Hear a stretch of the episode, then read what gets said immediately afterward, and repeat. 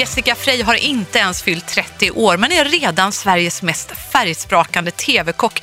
I TV4 Nyhetsmorgon så gör hon matlagning till något jättelätt och supergott. Och det är ingen slump. Att bli TV-kock var nämligen en supertydlig strategi för Jessica Frey redan när hon var en liten skoltjej. Hur blev hon så målmedveten? Och hur har hon gjort för att göra succé, inte bara som tv-kock, utan också som designer? Hon är ju tv-kändisarnas nya favorit med sina favoritklänningar under egna märket Jessica Frey.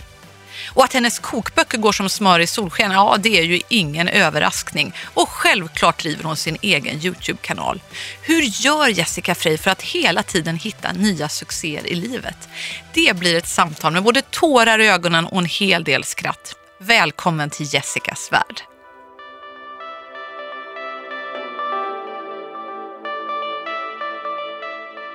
Hej Jessica Frey och välkommen till Succépodden. Hej, tack. Och Jessica, dig känner ju jag och väldigt många av oss tror jag som kock. Du är en fantastisk kock som inspirerar i, i TV4 i ur och skur. Och så ger du ut massor av kokböcker och dessutom är du framgångsrik klänningsdesigner. Ja. Det är, en, det är en fantastisk kombination. ja, det har blivit massa saker vilket är jätteroligt. Och du har inte ens fyllt 30. Nej, det är nästa år. Du är Så att- 29 Ja. och har hunnit allt detta. Ja, det, alltså, det låter ju jättemycket. Men idag så tycker jag, just, man ska ju aldrig jämföra sig med andra, men det är ju det är lätt att man gör det. Liksom, så att, ibland tycker jag att jag inte har hunnit någonting, men eh, när du rabblar upp Ah. det sådär så, så är det ju men, men mycket. hur många kokböcker har du hunnit bli? Eh, sju stycken. Sju stycken. Herregud. Varav tre har jag gjort eh, helt själv då, och sen fyra stycken ihop med en tjej som heter Maria Blom. Men hur gammal var du när du gav ut din första kokbok? Den kom ju då 2013. Ehm, så Du har marscherat på ganska ja, bra. precis. Det har ju blivit många på kort, kort tid. Har det blivit. Så att, eh, nej men jag är född 89, första gången 2013. Eh, och jag började professionellt jobba med mat när jag var 21. Det har varit några år nu. Men hur kommer det sig att du har den här passionen för mat och matlagning? Alltså, jag har alltid älskat att laga mat sen jag var jätteliten. Jag kan inte minnas att det liksom startade med något visst grej, utan jag har liksom alltid sökt mig dit där det har lagats mat. Eh, så att när jag gick på dagis eller förskola så var jag liksom med vår kock Gunilla inne i köket istället för att leka med de andra barnen. Och på helgerna så tyckte jag mycket bättre om att vara hos mormor eller farmor eh, och liksom vara med dem i köket än att vara ute och, och träffa kompisar. Så det är alltid... Och hur var det hemma i din familj? Vem var det som stod i köket där? Alltså mest jag, jag. Eh, Från när jag var liten. Alltså mina föräldrar tycker om mat och så, men de har ju aldrig haft något intresse för mat. Utan som de flesta småbarnsföräldrar skulle jag säga, bara liksom, det ska gå snabbt och komma fram på... Superstressade och liksom Ja. sådär, oh, makaroner, whatever, bara ungarna blir tysta och glada och Exakt, får lite och mat där var jag lite jobbig, för jag var ju så petig med mat. Eh, och ville liksom ha det på ett visst sätt och gillade inte halvfabrikat, alltså Mm. lite finsmakare liksom. Men jag är ju uppvuxen på liksom pulversåser och eh, frysta färdigrätter jättemycket. Eh, så det var ju också att det som gjorde att jag började laga mat väldigt tidigt, att jag ville liksom äta goda grejer. Ah, så det var ändå din egen passion så att säga. Det var Mm. inte så att mamma eller pappa var någon sån här jättekock liksom, eller Nej. så. Nej. Utan det är verkligen en så här medfödd grej som jag alltid har älskat jättemycket. Och sen så är det en, en annan grej som jag har liksom förstått nu, att jag gillar verkligen att göra andra människor glada. Mm. Och det har jag alltid gjort och jag har alltid varit en väldigt positiv person. Och jag tror att det liksom i kombination med att jag älskar mat har blivit att jag verkligen tycker om att stå i köket och liksom sprida den här matglädjen. För folk blir ju så otroligt glada av hemlagad mat. Mm, verkligen, jag blir jättesugen och jag känner lite dåligt samvete också för jag är ju typiskt en sån där som tänker att jag ska bli så bra på att skala potatis och, och göra någonting annat än det där vanliga eh, tråkiga. Så att, eh, men jag behöver ju verkligen Ja, men- läsa alla dina böcker. Visst Och ger jag- du ut en bok nu som heter Precis, den heter Hur lätt som helst. Ja, exakt. Och det är ju så himla inspirerande. Ja. Det är ju det som behövs, att man just får den där lilla knuffen och inspirationen Ja. kring hur man kan göra det här. Och det är, liksom, det är mycket genvägar och då är det liksom genvägar utan att tumma på smak och kvalitet. Så att man ändå känner den här stoltheten och glädjen när man äter maten. Att jag har faktiskt gjort det här. Eh, och det är nya smaker och det är enkla sätt att laga mat på. Och det tar inte mer tid. Och det är verkligen det som är det viktiga. Och jag tycker absolut inte att man ska ha dåligt samvete för att man inte orkar göra det här varje dag. Vem, vem gör det? Men, Nej. men kanske att en eller två dagar i veckan avsätter man till att laga en, en ny maträtt eller testa en ny grönsak eller någonting. För då får man ändå in lite grann. Successivt så blir det liksom familjen mer engagerad och det blir roligare. Vem är du? Jag vill veta mer om hur blev du den du är idag? Från den här unga, glada tjejen i köket som var den som stod och, och knackade på mamma och pappas rygg och sa men jag vill laga maten så att det blir bra och ordentlig mat. Hur, vad, vad hände där och var kommer den här entreprenörskapen ifrån? Oj, alltså jag kommer ihåg, jag har ett väldigt tidigt minne från, alltså vi satt kring köksbordet när jag var liten och ja, men man pratar vad ska man bli när man blir stor och, och sådär. Och då var jag väldigt inne på, men jag ska bli så här idémakare. Vill ha jobb som, liksom, som idéspruta, bara komma på roliga saker. Varför jobb. finns inte den titeln så ofta i arbetslivet? Exakt, och det var lite så här, ja visst blir det du. Men då tyckte jag, så, här, men uppfinna grejer och hitta på nytt. Eh, och sen så såg jag, eh, alltså jag har ju tittat på Nyhetsmorgon sen jag var liten också. Såg de här kockarna som var där på morgonen och då är jag så här, men gud jag vill ju verkligen bli tv-kock. Det är det jag ska göra.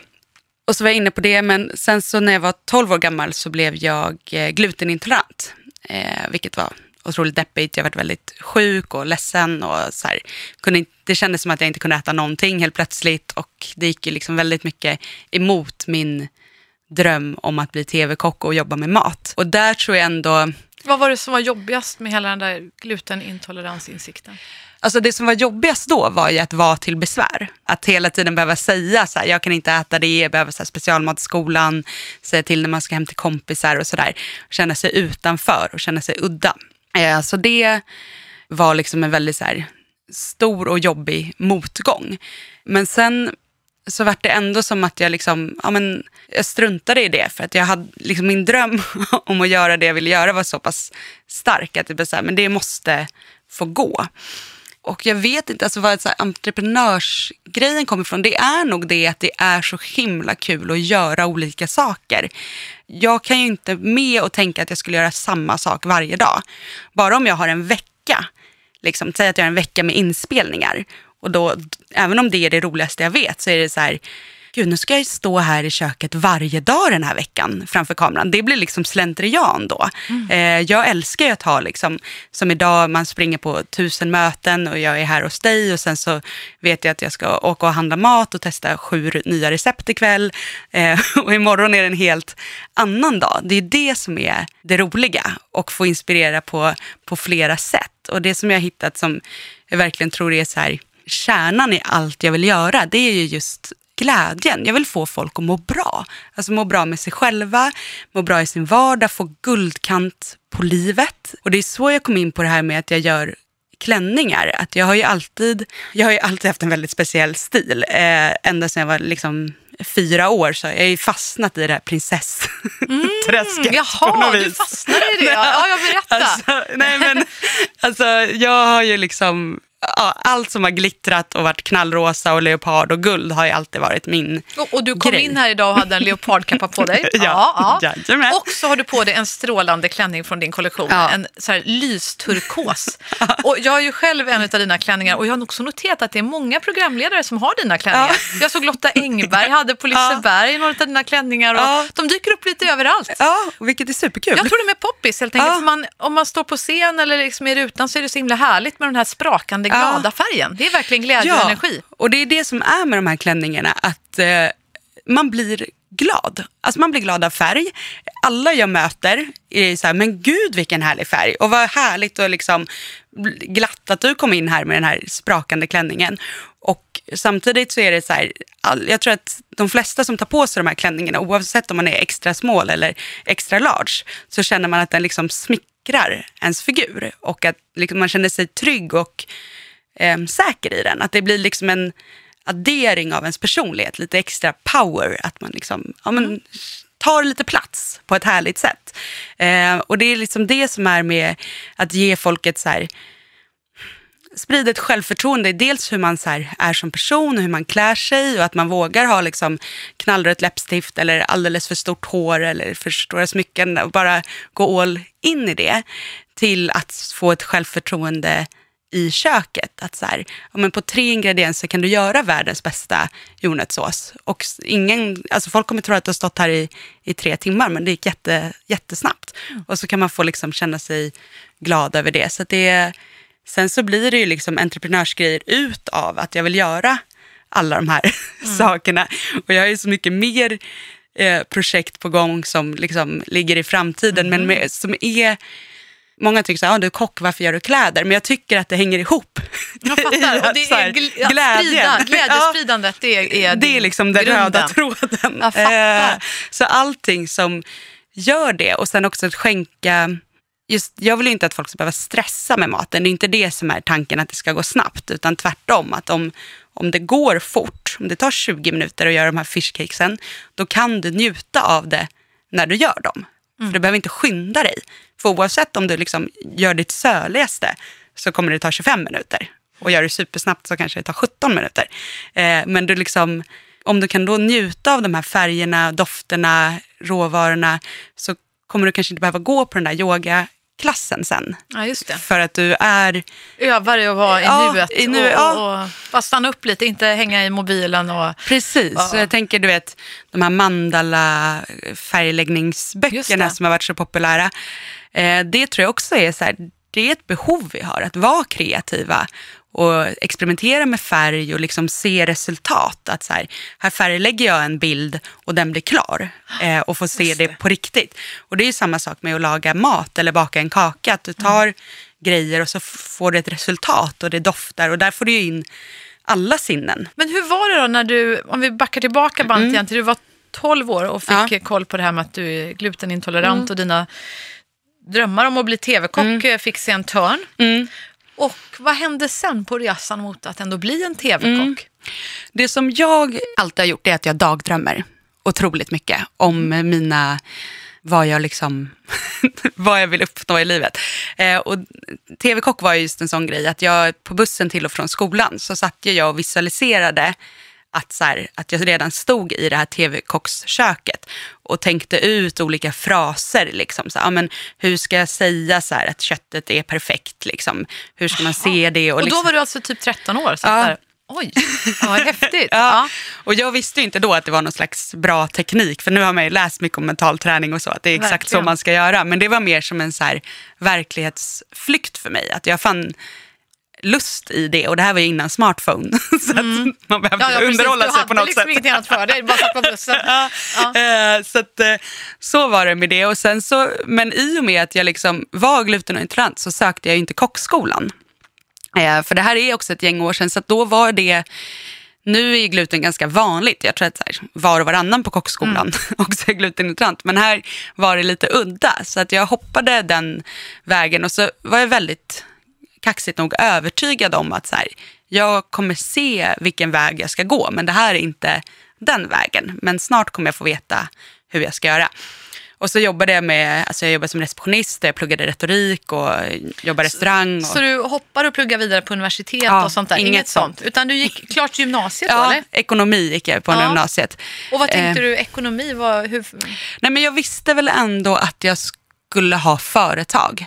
Det kände du? Ja. Hade du med dig det hemifrån? Eller vad alltså, ja, pappa har ju alltid varit liksom lite så här, ja, men, har alltid haft eget företag inom liksom bygg och måleri och alla möjliga grejer. Så det hade jag väl hemifrån, att så här, någon form av ja, men att man i alla fall kunde jobba på det sättet och välja sin egen tid och, och sina egna projekt. Så det tänkte jag att, att jag ändå skulle ha. Och just eftersom jag är lite rastlös och vill ha nya grejer hela tiden mm. så tänkte jag att jag tror inte det liksom finns den anställningen där man kan ha det så spritt, fritt och spretigt. Nej, liksom. ja. eh, så därför blev det i alla fall ekonomi och lite så här, det var det jag kom in på. Jag har aldrig varit någon plugghäst. så. Va, va, va, och, vad jobbar din mamma med förresten? Mamma jobbade, när jag var liten jobbade hon på simhall som simfröken i reception, städa, mm. allt möjligt.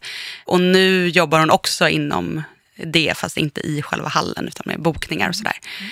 Så jag väljer två, liksom kommunalt jobb och entreprenör. Och då kände du av de två så var det ändå entreprenörskapet som lockade dig ja, mest? och jag är ingen så här, såklart har jag ett behov av trygghet, men jag är inte så där att jag liksom, jag blir inte nervös av att jag inte vet exakt hur mycket pengar jag kommer tjäna eller om jag kommer vara ledig eller inte. Det, det stressar mig inte jättemycket.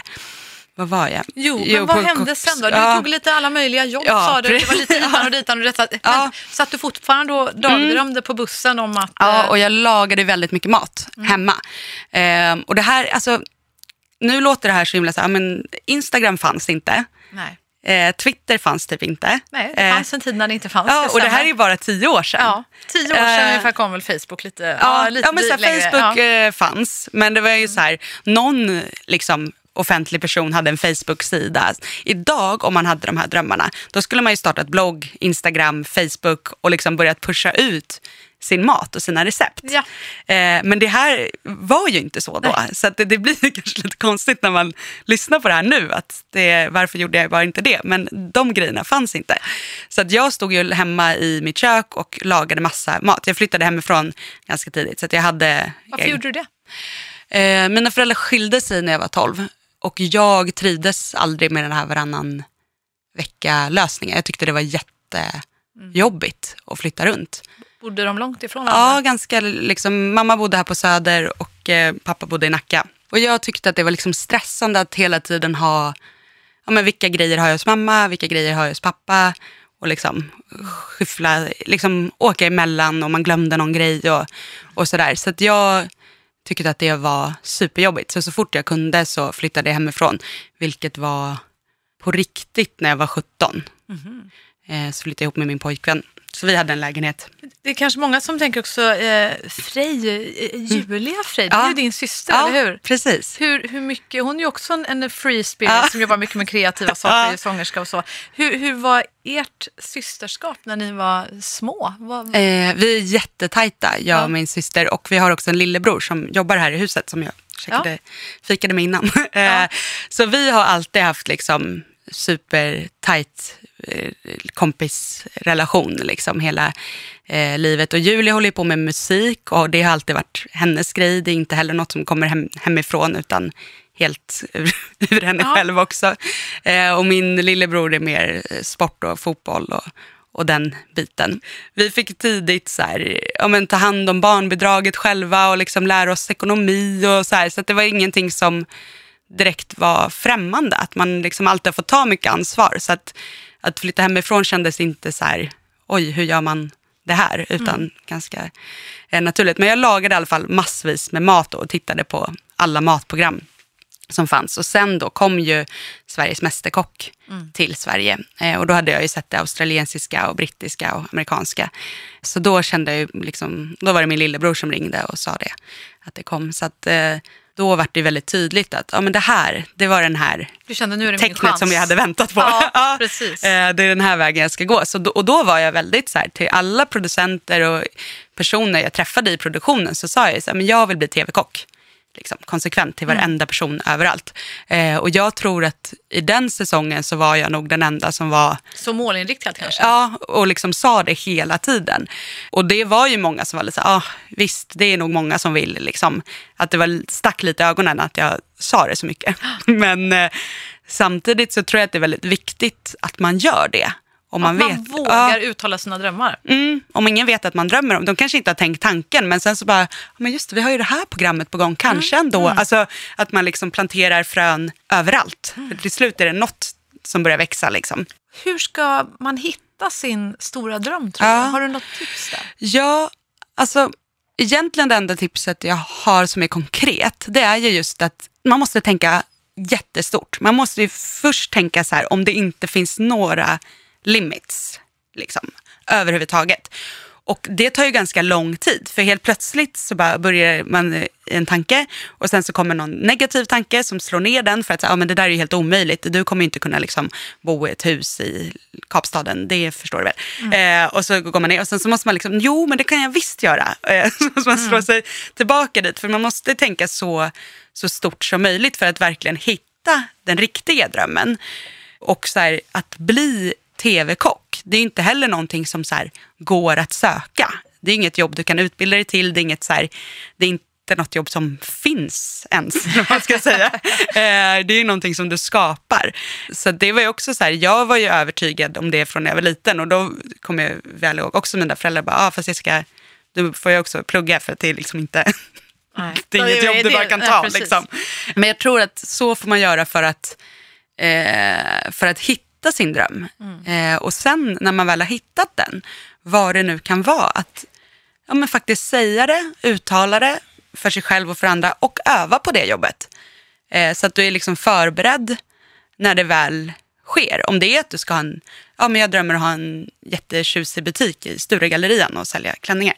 Ja men då får man ju liksom börja titta, hur, liksom, hur har man butiker, hur ser det ut i de butikerna jag gillar, göra lite härliga moodboards. För då jobbar man ju ändå framåt. alltså, Mm, Precis, även man om tar det... de första konkreta stegen för Ja. att inte bara stanna vid drömmen. Precis. Okej, när du stod där då, det, var, det var när Leif Mannerström var med, vill Ja, jag minnas. precis. Och du kommer fram den där första gången. Du, du vet att du ska få vara med i programmet, att det Ja. var ett första hallelujah moment, eller? Eh, nej men först, eh, alltså först är man just en förjury. Ja, just det. Ja, och sen så får man komma till tv-juryn, men man vet ju inte att man går vidare. Nej, precis. Så Mm. där kommer du in med din maträtt, det är så det är. I det här ögonblicket som ska avgöra om du får vara med eller Exakt. inte. Kommer du ihåg det ögonblicket? Kommer ihåg det exakt. Ja. Vad, Eh, berätta, vad, vad hände då? Men jag hade ju, dels hade jag gjort en jättekorkad grej för att jag hade valt en rätt som jag tänkte att juryn skulle gilla istället för att välja en rätt som jag gillar. Eh, klassiskt misstag, att man så här, gör en fiktiv person som... Som man vill impa på så himla mycket. Istället Ja. för att så här, följa sitt hjärta. Ja. Men eh, då lärde jag mig det. Eh, jag gjorde en, en grön ärtsoppa med massa eh, basilika och pinjenötter och vitt vin och grejer. Vilket så här, jag i och för sig tycker är jättegott, men det är inte min Det är inte favoriträtt. din Liksom. nej. Nej. Eh, men då kom jag in och jag hade så här, för då när man mötte den här förjuryn dagen innan, då hade jag valt att ha liksom en, ja, jag hade en prickig klänning och en knallrosa eh, kofta. Tänkte att ja, det är lagom, det liksom sticker ut lagom mycket. Men så hade jag gjort en annan outfit som jag skulle ha när jag mötte riktiga juryn. Mm. men då var det så här, nej men vi har tagit lite bilder idag redan så att ni måste ha samma kläder imorgon. Och då blev jag så irriterad, så här, för då pajade ju hela min Tanke där. är hela min tanke, för att jag alltid tänkt ganska mycket på helheten. Ja, ja, Eh, Men hur som helst så kom jag in där och det första man slås av är att det är total tystnad där inne. Helt ljudisolerat. Och så är det helt svarta väggar med tjocka, tjocka tyger. Och så sitter ju då juryn eh, på varsin stol där. Så att man hör liksom sitt eget andetag. Vilket jag tror är tänkt för att man ska bli. Lite en- stressad. lite Ja, stressad. Om man tappar liksom en gaffel så låter det ju som att så här, man har tappat 17 kastruller. Mm. Och eh, när jag tittar på det här klippet idag så ser jag liksom hur jag helt skakar på händerna och kan ju inte alls... Eh, och så frågar jag så här, Marcus, ja, men lagar du det här ofta hemma? Och det gjorde jag inte, jag hade ju bara gjort det till, till då. Ljög du då, eller ja, men då var jag så här, mm. Typ, alltså, fast Ja, man ser ja. ju att jag så här, Ja. totalt slåss med, så här, ska Ja. jag säga sanningen eller Ja. inte? Liksom. Eh, och sen så var det ju så att eh, Leif faktiskt tyckte att den var för feg, eh, den här soppan. Tyckte Alltså, du det också? Ja, jag kan ju absolut se vad han menar. För att Mm. jag hade ju inte lagat heller utifrån mig själv. Utan Nej. det var ju lite så här, åh, vågar jag ha i mer salt? Vågar jag ha i? Alltså, eh, var ju, tänkte för mycket helt enkelt. Mm. Det är bara för att smaka tills det blev gott. Eh, men sen så tyckte Marcus och Per att eh, den i alla fall, att så här, jag hade tillräckligt mycket potential för att få ta nästa steg och att de ändå förstod att jag kunde, kunde förmodligen laga mat i alla fall. Och vad var känslan i dig när du insåg vad de sa? Jag grät ju direkt. Jag hade ju lovat mig själv att jag inte skulle gråta i tv överhuvudtaget. Men tårarna, och det är nästan att jag börjar gråta nu när jag pratar om det, för att det var en sån grej som släppte i, i hela mig, eftersom jag hade drömt om det ögonblicket, alltså sen jag var så här tio år. Och nu kände jag så här, nu är jag, nu är jag här. Alltså nu börjar den här resan. Och nu, nu kommer det gå bra. Jag var så övertygad om det. Och sen så hade jag min pappa och min bror som väntade utanför. Och det var också så här, tv-teamet hade ju sagt att man skulle ta med familj, men jag tyckte att det var lite så pinsamt att ha det. Så att jag hade inte med det och sen så var de så här, men du måste ha någon med för det blir så tråkigt annars när du kommer ut. Så de kom ju dit och visste knappt vad det var, vad de var inbjudna på. Men, men då när jag kom ut och ser min pappa och min bror, då, då bryter jag ju totalt ihop. För att de visste ju också hur, hur stort det var för mig. Vilken otrolig dröm. Ja, så det, det var verkligen så här, det, ett av mina bästa moments i livet för att det var så, så avgörande från att liksom, jag stod i så här, hade så här receptionistjobb och liksom bara lagade mat på kvällarna och liksom verkligen levde för det här och få ta det där första steget att så här, nu, nu kan det hända på riktigt. Liksom.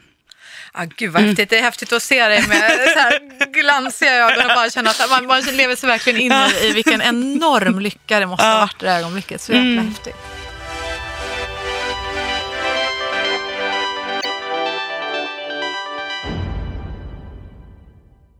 Och hur gick det sen i programmet? Ja, men sen, det var ju en berg och dalbana sen då, upp och ner. Eh, men eh, jag åkte ut på femte plats eh, och det kändes helt fine. Jag åkte ut på en eh, hemgjord eh, ravioli med någon hummerfyllning. Eh, och jag kunde inte smaka på den rätten då, för då var det ju gluten i den. Eh, Gud, vad irriterande. Ja, lite irriterande, men samtidigt när jag åkte ut så var det bara så här, ah, men jag har gjort allting. Och eh, så visste jag ju, nej det visste jag i och för sig inte då, men jag, när vi spelade in då så var det ändå så, ja men jag spelade in på hösten och så skulle det sändas i typ januari. Så då var det ju liksom det här pirret innan. Och sen när första auditionprogrammet hade gått, då ringde de från eh, TV4 Nyhetsmorgon. Och då var det en kvinna som hette Ulla Sjöstrand som hade sett min audition och sa så här att hon, jag satt på tunnelbanan då på väg till mitt jobb och eh, hon bara, "Ja, men jag heter Ulla, jag jobbar på Nyhetsmorgon, jag såg din audition. Du får inte berätta hur det går i programmet för det är så spännande.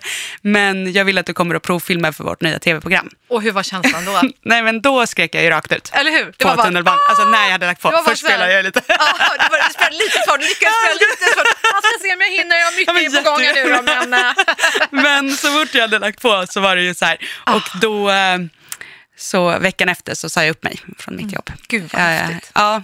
Och hur gick din audition? Verkar som att det gick ganska bra, det, eller? Grejen var att den blev stekt. Den blev Ja, stekt. de eh, De, de hörde av sig bara. och sa, Ja. eller att, fick Ja, du så här. komma dit ens? Ja, jag, jag, kom, jag kom och tog en kaffe med, med Ulla. Ja, ja. och så var han så här, men det här kommer ju bli jättebra. Liksom. Ja. Eh, Ulla kör. blev helt Ja. frälst och kände det här är the shit Ja. liksom. Ja. Typ så. Eh, Men? Nej, men så, och sen så körde vi igång. Så då jobbade vi med ett program som heter Mitt kök ihop med en kille som heter Filip Fastén i eh, ja, hela 2011. Mm. Varje morgon. Eh, så det var ju, då var ju jag 21 år gammal och hade min, mitt kockprogram på Nyhetsmorgon så var den kanalen som hade tittat så mycket på. Så Gud, det, ja, det Vilken var dröm. Hur, hur, mottogs det här bland dina vänner? Jag förstår att din familj och dina syskon var ju så bara helt jätteglada för din skull. Mm. Ja.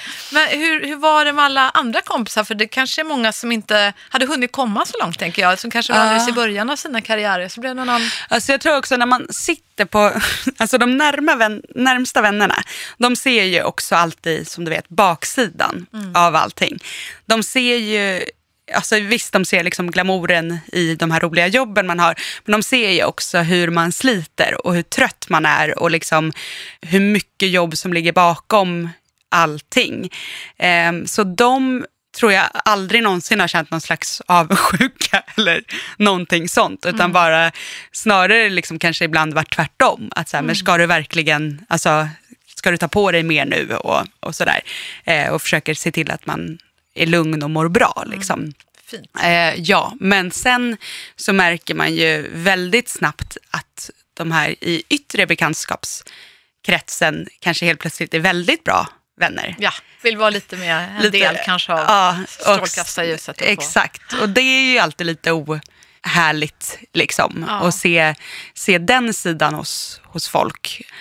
Jag tänker Men, mer ja. på det här med baksidan av framgångarna. Hur är det? Jag, jag har ju själv varit med i, i tv en del och är med Mm. i tv en del. Och, eh, hur är det? Har du också råkat ut för, för eh, näthat och hot och sånt där? Faktiskt inget alls. Mm. Jag har haft jättetur eh, och det tror jag är jättemycket på grund av att jag har en ganska harm, alltså harmlös, det finns inte så mycket att, att hata på i det jag gör.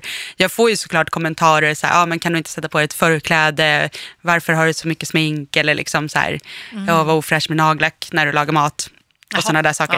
Eh, men eh, Va, vad tänker du kring det då? Får, får, får man se ut som man vill i, i Sverige idag? Eller ska man Mm. liksom, ska det, är, det läppstift det är lite, lite läskigt om man har lite för mycket Alltså, jag, tror, och, jag tror att så här, man får se ut som man vill. Jag, de grejerna så här, tar jag inte åt mig av, men jag bemöter ju allting i att så här, anledningen till att jag förkläd, inte har förkläde är att jag inte tycker det är snyggt. Om jag skulle jobba i ett restaurangkök eller liksom servera mat till andra människor är det klart att jag skulle ha riktiga kockkläder på mig av hygieniska skäl. Mm. Eh, och det är ju samma sak, vem som helst som lagar mat till sin familj vet ju att man liksom man lagar ju mat så som man ser ut när man kommer hem. Mm. Det är inte så här, man tvättar ju inte bort nagellacket Nej. för att man ska jag, jag skära en kyckling. Jag inte ens på mig förkläde ska jag helt Nej. ärligt erkänna. Exakt, så att jag försöker liksom då bemöta det. Så här, jag ser ut som ja. jag ser ut så här och sen så är det ju många som säger, ah, men varför är du så uppklädd hit och dit? Så här, ah, men det är min stil. Mm. Eh, så har jag liksom alltid sett ut oavsett om det var liksom att jag var tonåring och hade så här knallrött hår och liksom en säkerhetsnål genom näsan och jättemycket smink så har jag alltid varit lite extrem och lite för mycket. Mm. och det är liksom, så är jag bara. Så det, det kommer jag alltid att vara och den grejen har jag aldrig haft, den tar jag liksom inte åt mig av för det är något som har liksom stört folk lite allmänt runt mm. omkring mig. Att, det är du är van vid. Ja. Hur viktigt är det för dig? Du är ju ja, men en influencer också mm. och blogg. Och, alltså, mm. du, du har ju varit väldigt aktiv och närvarande med dina fans kan man väl säga. Ja. Alltså, hur, hur, hur jobbar du med den dialogen med din följarskara och din ja, men, gäng? Liksom? Jag försöker lära känna dem mm. eh, väldigt mycket. Och, eh, för det är de som Alltså det är de som gör att jag kan göra det jag gör. Eh, så mm. jag vill ju liksom möta dem. Eh, jag vill ju nå ut med mina grejer och min passion. Men samtidigt så vill jag att så här, de ska få vara, vara med och påverka. Eh, så att till exempel nu när jag gör min nya kollektion på klänningarna, då har jag så kastat ut frågan, ja, men vilka, vad önskar ni? Är det liksom fler färger, nya modeller eller liksom, vad kan det vara? Och då är det någon som, ja, men kan du inte göra någon med lite längre ärm till exempel? Och då tar jag med mig det och sen så liksom när jag går till ritbordet, så bara, ah, men den här kanske ändå skulle funka och ändra lite här och få till en, en längre, längre arm. Ja. När du har haft en riktig sån där skitdag då? Mm. När alla bullar har bränts eller vad det nu mm. är. Eh, alltså såsen gick åt skogen och skar mm. sig och oh, det blev inte bra liksom. Och mm. klämningsleveransen är försenade. Var, var hittar du kraften då? Alltså ofta tycker jag när man har en riktig skitdag, då tycker jag att man får börja om. Alltså, mm. om det går så är det bättre att lägga ner den dagen. Mm. För anledningen att det kan vara en skitdag, speciellt om man är kvinna, är ju kanske hormonellt. Mm. Att bara så här, det funkar bara inte idag. Jag tycker att allt jag gör är kast, fast det kanske inte ens är det. Mm. Men om man har den liksom, tank, dåliga tankar om sig själv, då är det bättre att inte göra något och bara så här, nu är jag snäll mot mig själv och liksom, vill jag bara ligga under täcket så gör jag det tills det här har det gått här över. över. Ja. Liksom. Men sen kan det ju vara andra grejer, att det bara är liksom, det bara går åt skogen. Men, eller att man kanske inte kan börja om. Mm. Att det är så här, ja men jag har möten hela dagen och imorgon. Man måste leverera. Och, ja. det, kanske står något, du ska catera någonting ja. och det står hundra hungriga människor Precis. där och väntar sig en maträtt. men då, då brukar jag ändå försöka göra en så här mikro börja om. Eh, och eh, då kan jag faktiskt så här, jag duschar, sminkar av mig, Mm-hmm. Liksom, du låtsas liksom att det är en ny dag en nästan? dag. Alltså, ah, eh, kokar nytt kaffe och liksom, nu börjar jag om. Och också när man har sådana här dagar, du vet att man jobbar 8 till 5 och sen 5 ja, till 01. den känner vi till. som, Dubbelpasset. som det ofta är liksom för ja. oss entreprenörsmänniskor. Att så här, man har alla möten och sen så har man allt som ska levereras och så kanske det är så ett tag. Då brukar jag också göra så. Att jag liksom börjar om. Så du klämmer in typ tre dagar på en dag och rent sådär att ja, och nu börjar här, ja men det... Nej men det kan vara liksom att få ja, lite så här, speciellt om man då kanske kommer hem och ska jobba, men då är det så här, skönt att duscha av sig allt från dagen, ta på sig en bra pyjamas och liksom koka en ny kopp kaffe och känna att så här, skönt, nu är det liksom kvällspasset. Hur är det med kärleken i ditt liv? Kärleken i mitt liv? Ja. Nej men det är jättehärligt med kärleken ja. i mitt liv. Ja. Jag är väldigt eh, nykär. Ja. Så jag, jag... Ja, ni ser ju helt fantastiska ut när man ser er på Instagram. Jag, ja. jag träffade ju faktiskt din ja. älskling eh, mm. på, på något event här om eh, kvällen. Ja. Och ni ser sådär jättekära ut. Ja. Hur träffades ni? Det är en lång historia. Men, eh, vi, vi gillar bra historier. Nej, men vi har, känt, vi har känt varandra för länge sedan och sen har vi inte haft någon kontakt överhuvudtaget. Och sen så har vi sprungit på varandra eh, i nutid, om man säger så. Eh, och då liksom stod stjärnorna helt fel, men vi har liksom inte glömt varandra och nu så var det bara perfekt. Eh, så det är väldigt så här, väldigt lyxigt att få, få vara kär. Att det är nog den, det är den bästa känslan. Hur länge har ni varit ihop nu? Ett år ungefär. Men eh, du får ju berätta, hur gick det till när ni blev ihop igen, låter det nästan som. Nej, men vi började träffas igen. Hur då? Vi tog kontakt. Vi? Det är en som tar kontakt, Jessica. Okej, han, han tog kontakt och vi började, började träffas helt enkelt. Eh, och det, det var ju det är också svårt när man har liksom ett förflutet. Att det är lätt att man är kvar i det. Så det tog lång tid innan vi eh, blev tillsammans. Men eh, sen när vi liksom väl släppte sargen tror jag båda två. Och så här, men nu, nu får man liksom känna det man vill känna och så får vi se vad det blir. Så blev det ju liksom väldigt mycket fyrverkerier. Så det, ja jättehärligt är det. Vad betyder han för dig? Extremt mycket. Väldigt så här, ja men verkligen han som gör mig glad. Eh, och det låter så platt, men det är, han är så otroligt snäll och omtänksam, positiv liksom. Så det är, väldigt så här lätt, men ingen så här, ingen brådska med någonting. Vi bor inte tillsammans, vi har bara liksom, vi ses när vi har tid och eh, det är jätteskönt. Men de här projekten då? Vad, du, du har ju allt matlagande och tv-programmen. Och så är det ju klänningarna. Och de, det, det ska vi komma ihåg, det var inte så länge sedan du lanserade April, ja. april. Så det är inte ens ett år. Nej, det är Ett väl halvår ett typ. halvår. Ja, Ja. precis. Och ja. redan så är det vimlar av typ tv-stjärnor som har på sig dina klänningar och tycker de är jättehärliga. Ja. Hade du väntat dig den succén? Mm, både och för att jag har ju haft väldigt svårt att hitta klänningar. Eh, jag har ju haft liksom den här klänningsstilen ett bra tag.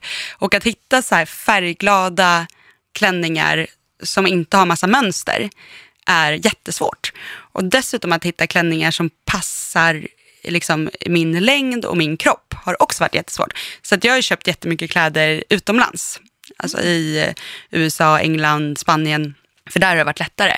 Men, Eh, men, men, men vänta, är det, är det okej? Jag menar, varför, hur kan det vara så att du som är liksom en sprakande, underbar, jättesnygg kvinna inte hittar klänningar i vårt land som du säger ens passar din kropp?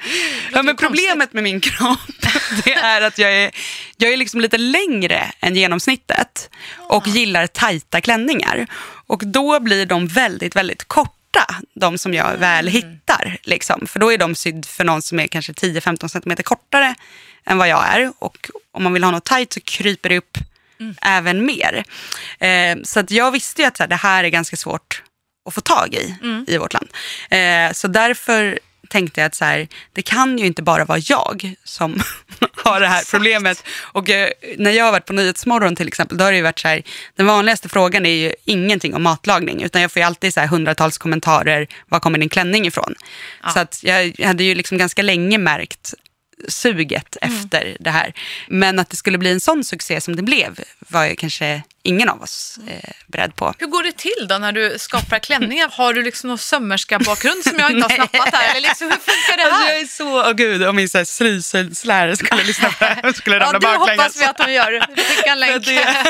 Nej men gud, jag har ju varit alltså, sämst på sånt. Alltså helt men det är dålig. jätteinspirerande Men- att höra att någon som säger att men jag var sämst på syslöjd och kolla här, nu är det Men jag det är som för att gör jag är lat. klänningarna. Liksom. Så att jag hade, eller lat, men jag har inget tålamod.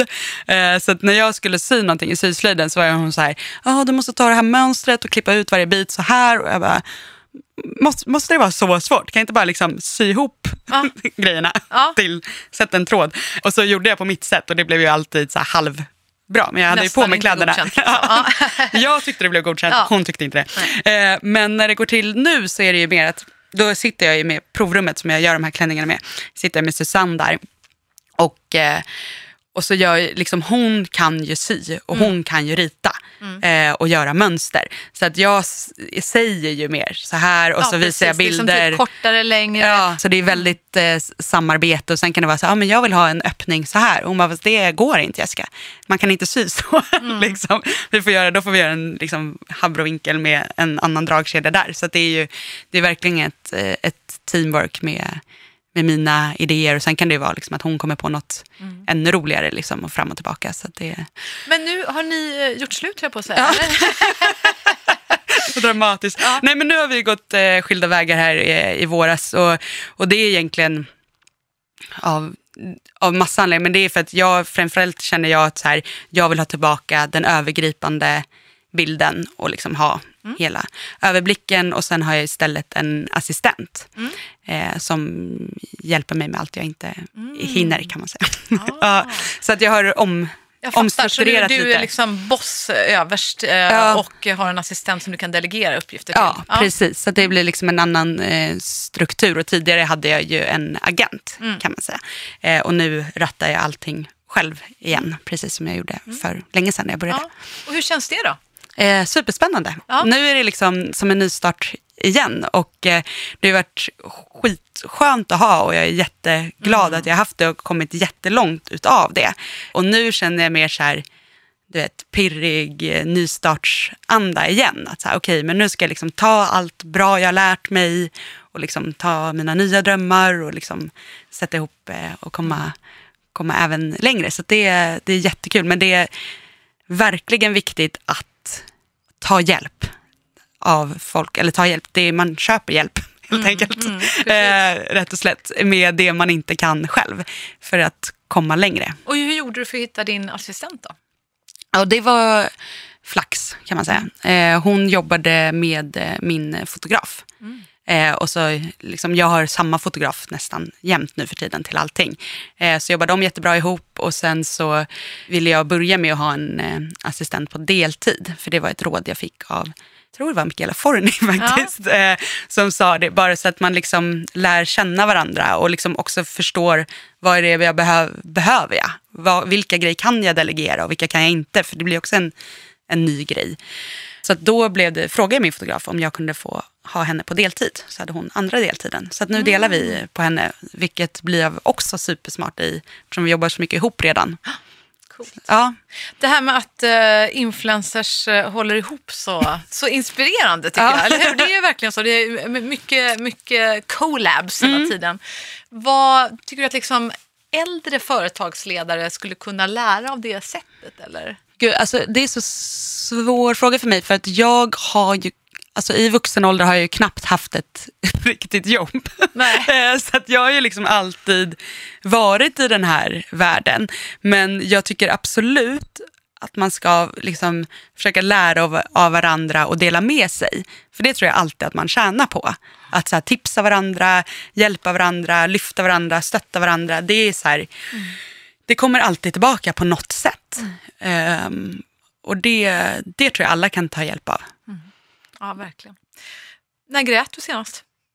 Nästan alldeles nyss då. Ja, just det. Nej, men jag har ganska lätt till både skratt och Ja. gråt. Eh, och jag är väldigt så här blödig person. Så att jag tror jag gråter liksom flera gånger i veckan. Jag kan inte ens komma på sig. Ibland kan jag nästan börja gråta av så här, när var det? Jo, vi hade inspelning till min eh, YouTube-kanal.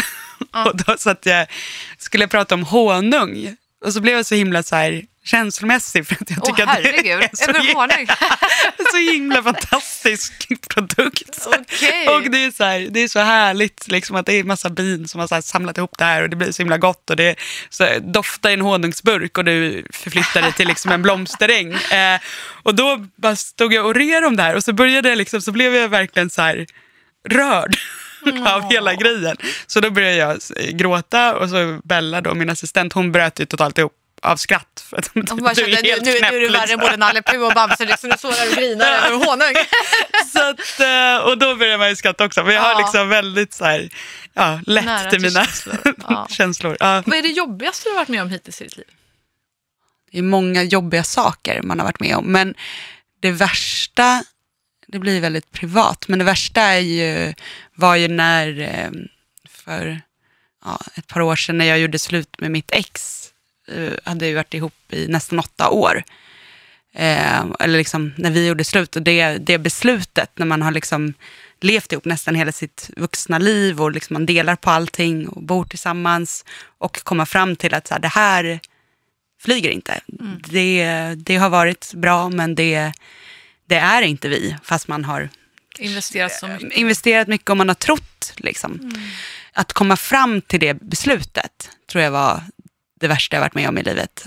Och veta att så här, det här kommer göra så ont för mig och för honom och liksom alla inblandade, vänner, familj.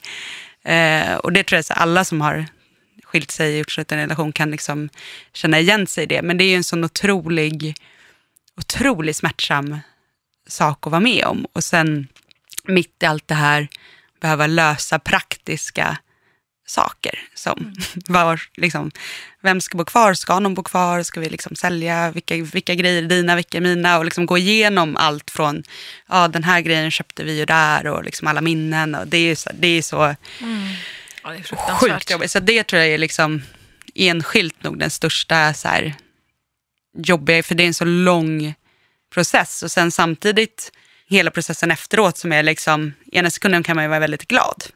Eh, för att man är liksom, har vågade och Lättnaden liksom, kanske. Ofta och liksom är det som att man går omkring Ja. och tänker väldigt Ja. länge. Alltså man kanske vet om att Mm. "Ah, det här funkar kanske inte längre. Men Nej. alltså att, hur lång sån betänketid hade du kände du? Alltså det måste ju varit ändå en tid. Ja, men det är också så när man ser, det gick ganska, jag är snabb liksom, så att från när jag väl tog beslut så gick det snabbt. Men sen kan man ju se i backspegeln att man nog har varit där ganska länge, eh, när man börjar lägga pusslet liksom. Men det är det, det värsta jag varit med om. Är det någon lärdom du har att bjuda på kring det? För det är ju fruktansvärt jobbigt Mm. förstås, men det är ju någonting som väldigt många människor går igenom. Menar, man ska ha en otrolig tur om man träffar Ja, rätt från början. Eh, så det är ju väldigt, väldigt vanligt med det Mm. här. Och det är kanske något som vi inte orkar prata om så mycket. nej. Nej men alltså jag tror att det är väldigt viktigt att man försöker vara ärlig mot sig själv. Eh, och det, jag tror många är kvar i relationer för länge. För att man vill inte, liksom, man vill inte se att det är, inte är bra. Liksom. Eh, så att jag tror att försöka känna alltså, tidigt, så, men är, jag, är vi verkligen lyckliga tillsammans? Gör vi det bästa av varandra? Liksom? Blir, blir man glad när man kommer hem varje dag? Eh, även om det är skitjobbigt, var ärlig mot sig själv i det. Och sen när man väl ska ur det, så för mig var det liksom, jag pratade ju jättemycket med mina liksom, närmaste och det, att ha bra vänner då, som orkar höra på det här ältandet, för man tar ju upp samma sak 70 000 gånger. och liksom lite så för att man försöker förklara för sig själv på något vis varför man har gjort det här. Och där hade vi liksom ett gäng jättebra vänner som verkligen orkade höra hela tiden och ältande. Och till slut kände jag själv att så här, nu, nu kan jag inte prata om det här mer för det är för tråkigt att lyssna på. Men, men man måste få, få göra det. Liksom. Så att det samlar sig med liksom ett bra litet gäng som, som orkar, orkar höra på, på allting tusen Ja, gånger det är om. ju ett fantastiskt tips att ha goda vänner. Vad skulle man vara utan dem Mm. ibland? Verkligen. Ah, shit. Men du, om du ser framåt nu Mm. då. Tänk vad långt du har kommit, 29 år, eh, massor av kokböcker, klänningskollektion, tv-kock. Mm. Vad tror du att du är om några år? Grejen är att nu känner jag faktiskt så här, att jag har gjort så otroligt mycket på ändå kort tid. Och jag är så himla nöjd med där jag är idag och trivs så himla bra här. Eh, med liksom både i- där jag är privat och där jag är i mitt jobb. Och jag har liksom så pass många tårtbitar att allting snurrar. Så att jag vill liksom vara här nu. Eh, så känner jag. Att jag hela tiden fram till nu så har jag hela tiden varit på väg hit. Och jag har jobbat så mycket för att komma hit. Eh, så nu så vill jag vara här och liksom landa lite på den här platån. Ja, men det och så här, klokt. unna mig att så här, vara och liksom göra allting bättre. Att så här, Göra ännu bättre recept, göra ännu bättre böcker, skitsnygga klänningar, vässa min eh, YouTube-kanal så den blir liksom superrolig och inspirerande och peppig. Få ännu mer relevant Instagram-flöde och liksom verkligen förvalta allt det här på bästa sätt. Eh, så det är faktiskt min vision och dröm just nu, att liksom sitt lite här. I båten. Gör det ännu bättre. Ja, Ja, precis. Ja. Och liksom bli riktigt bra på alla de här grejerna nu. En Eh, sak till tänker jag på. Du, du som står i, i rutan och syns på Instagram och allt det här och både klänningar och mat och allting. Och du, man blir ju på något vis också ständigt bedömd. Ja. Och du är ju en mästare på att stråla ut den här energin och glädjen. Men vad är ditt bästa snygghetstips liksom, för att känna sig ja, stolt och Ja. nöjd med alla de här blickarna på, på dig? Precis. Alltså, framförallt så tror jag eh, inifrån. Eh, alltså börja inifrån. Att så här, se till att du äter mat som du blir lycklig av. Eh, straffa dig inte med mat. Många ser det som en så här, eh, ja men typ en, nu ska jag äta en sallad för att liksom då får jag, nu ska jag äta grönkål för att det är så himla bra för huden. Och så gillar man kanske inte grönkål. Då blir man inte snygg och lycklig ändå. Och då, är det liksom, då är det bättre att äta jordgubbar om det är det man tycker om. Eh, så att man liksom äter mat som man blir glad av. För det tror jag är superviktigt. Och att man är mätt. Det är en bra ur, tips. urholkad.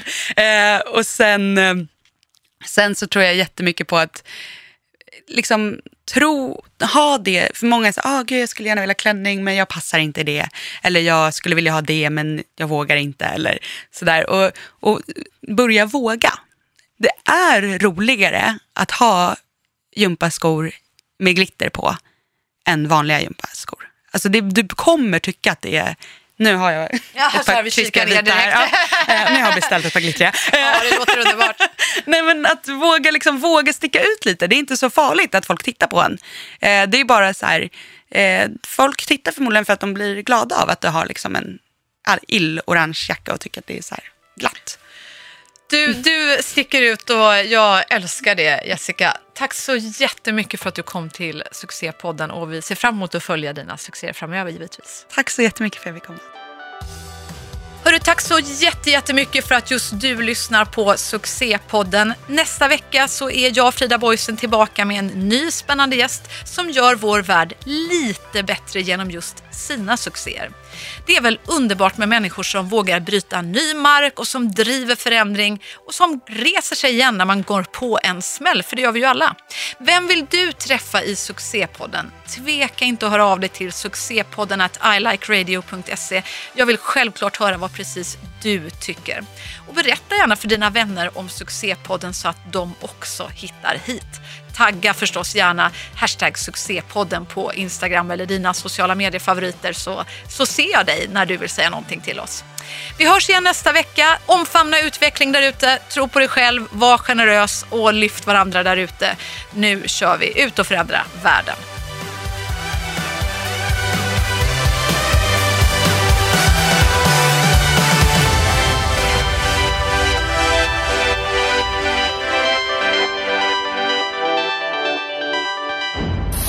Produceras av I Like Radio. I like radio.